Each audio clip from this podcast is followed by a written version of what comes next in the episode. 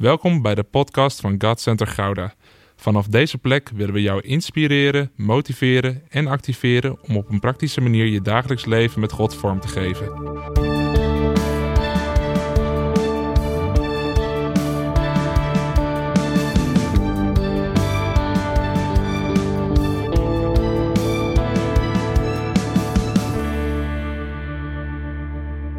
We zijn alweer aangekomen bij de zesde Ik Ben. En wat gaat het hard ook deze serie weer.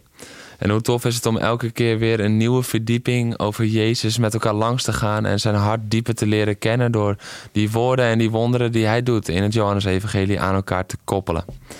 En deze keer gaan we het hebben over de uitspraak: Ik ben het brood des levens. En dat is natuurlijk gekoppeld aan de wonderbare spijziging. Dat kan haast niet anders. En voordat we daarna gaan kijken, wil ik een getuigenis met je delen. Waarin je ook zal zien dat, ondanks dat je het gevoel kan hebben dat je te weinig hebt, dat je niet genoeg te bieden hebt, dat als je het in de handen van Jezus legt, dat het genoeg is.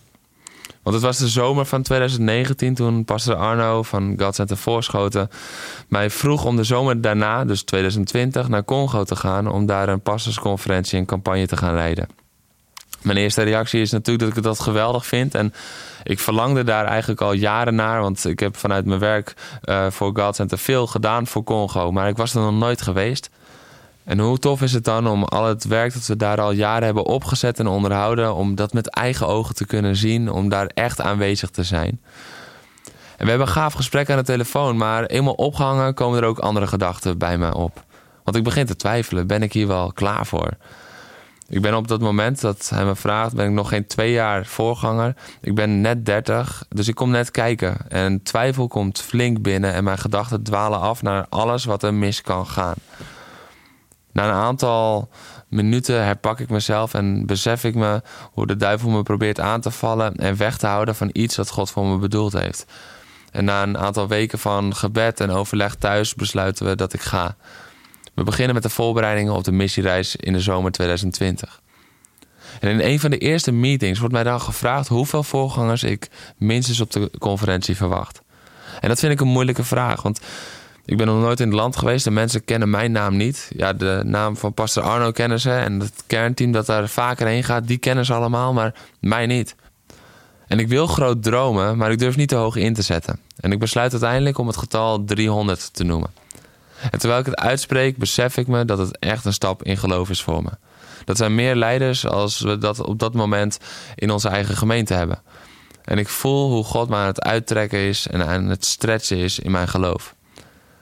Door de wereldwijde coronacrisis is de reis van 2020 uiteindelijk niet doorgegaan en we hebben hem verplaatst naar 2021. Uiteindelijk kwamen er meer dan duizend leiders en voorgangers naar die conferentie. Een aantal dat ik nog nooit voor mogelijk had gehouden. En toen ik dat hoorde, ja, kon ik het amper beseffen. En we waren daar en de zegen was zo groot en de impact was zo krachtig. Zoveel getuigenissen horen we nu nog steeds dagelijks terug. Van kerken die volledig zijn veranderd. Voorgangers die zo zijn opgebouwd. En leiders die er weer echt tegenaan kunnen. Hun wereld staat op hun kop. En ik had maanden eerder besloten dat wat ik had, en ook al was dat voor mijn gevoel nog te weinig, te weinig ervaring, te weinig kennis, noem het maar op, om het in de handen van Jezus te leggen. En ik kan menselijk gezien veel redenen bedenken waarom er veel geschiktere leiders waren op dat moment. Met meer ervaring, met meer kennis en die meer inspirerend les kunnen geven. Maar tegelijkertijd groeide in mij het besef dat God me niet vraagt aan hem te vertellen wie de geschikte zijn, maar dat hij mij vraagt of ik beschikbaar ben. En ik ben naar hem toegegaan en voor mijn gevoel met vijf broden en twee vissen. Veel te weinig als het daarbij blijft. Nooit genoeg voor de menigte. Maar wel leggend in de juiste handen. En ik heb gezien hoe Jezus zelf daarmee aan de slag is gegaan. En de thema's die ik op mijn hart kreeg in de voorbereiding, zelfs in het Frans, toen ze helemaal vertaald waren, klonken ze als een melodie. En dit is wat er gebeurt wanneer we wat we hebben in de handen van Jezus leggen. Het hangt niet van ons af. Het moet in de juiste handen liggen. Andreas kwam bij Jezus en hij zei: ja, hier zijn vijf broden en twee vissen. Maar wat hebben we daaraan? Leg jij het in de handen van Jezus? Ook al lijkt het te weinig en ook al zou je zelf denken: wat hebben we daaraan? Want datgene wat bijna niets is in mensenogen, is genoeg in de handen van degene die het brood des levens is. En ik wil je meenemen in dat verhaal, wat daar allemaal gebeurt. Want op het gegeven moment krijgen we het moment dat het antwoord, Jezus die we zo vaak beleiden als het antwoord, het antwoord op onze nood, het antwoord op onze vraag, het antwoord in de situatie, dat antwoord stelt zelf de vraag. Want dat moment verwacht niemand. Jezus draait zich om naar Filippus en hij stelt hem dan de vraag: waar kunnen we eten kopen om deze mensen eten te geven? En ik zie helemaal voor me hoe Filippus rood aanloopt en begint te stotteren en stamelen. Dit is toch niet de bedoeling? Jezus is de meester en wij mogen dan toch vragen aan hem stellen. En nu gaat hij vragen aan ons stellen en daar raken wij van van slag. Want Jezus is toch het antwoord. Dan moet hij geen vragen stellen. Wij horen de vragen te stellen. Hij moet antwoord geven. Hij is het antwoord. En er staan hier 5000 man voor Filippus. De vrouwen en kinderen zijn in deze tellen nog niet eens meegenomen. Dus ga even uit van zeker 10, 15.000 man. Kan je je voorstellen wat een enorme uitdaging dit is? En in plaats van je veilig achter het antwoord, Jezus, te kunnen verschuilen, komt hij met een vraag naar jou. Stel je voor dat je Filippus was en de vraag wordt aan jou gesteld. Maar Jezus stelt deze vraag niet aan Filippus omdat hij het antwoord op het probleem niet weet. Hij stelt de vraag aan Filippus om te leren hoe hij wil samenwerken met Filippus.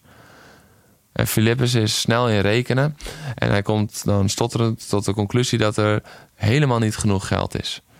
En dat vind ik een leuke benadering. Want mijn eerste vraag zou zijn: van waar gaan we een bakker vinden die voor 15.000 man te eten heeft? Maar hij denkt nog in geld. Maar dan komt er een andere discipel aangelopen.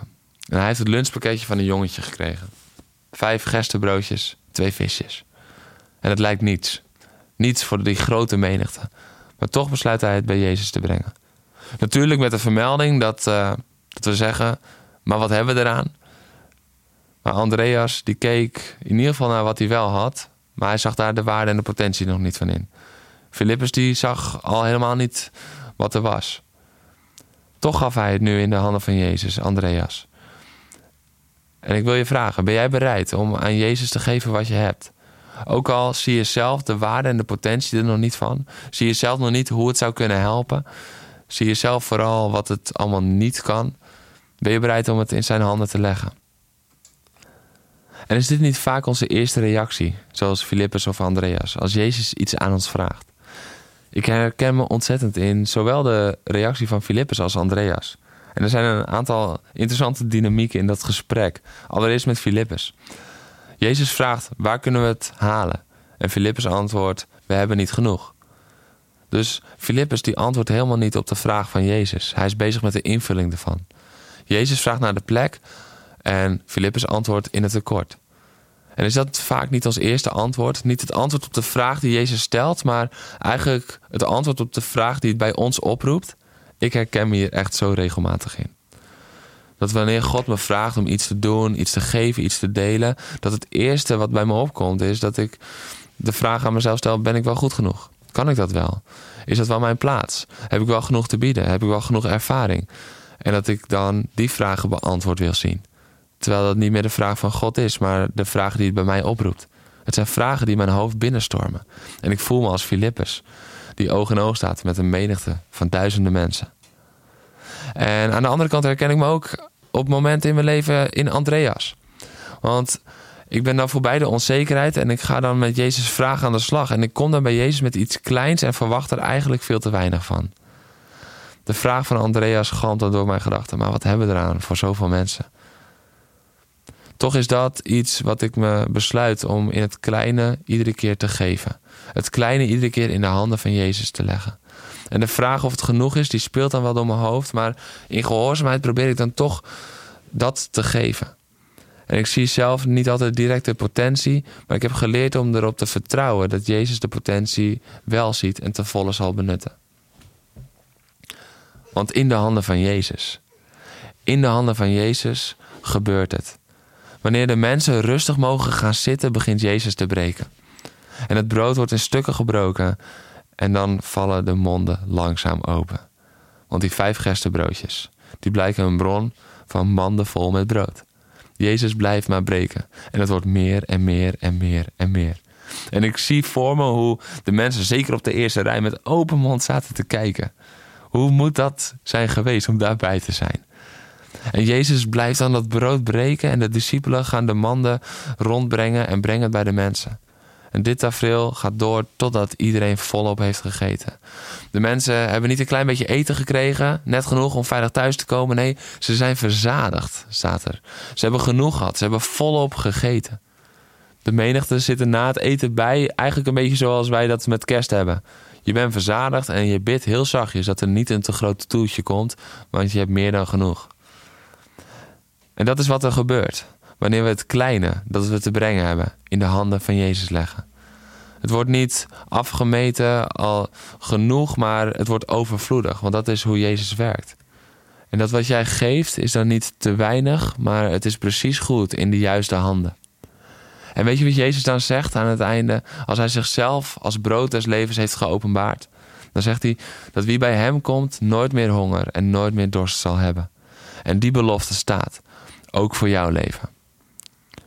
Ik hoop dat je weer geïnspireerd bent geraakt. Weer een stukje het hart van Jezus dieper hebt leren kennen. Dat je meer hebt kunnen genieten van wie Hij is. En ik daag je uit als je de vorige afleveringen nog niet hebt geluisterd, om ze zeker terug te luisteren. En mocht je het boek nog niet hebben besteld, Dit is Jezus, dan kan je dat doen via jeroendorstein.nl en dan stuur hem zo snel mogelijk naar je op, zodat je nog meer diepte kan vinden in wie Hij is. Dit is Jezus.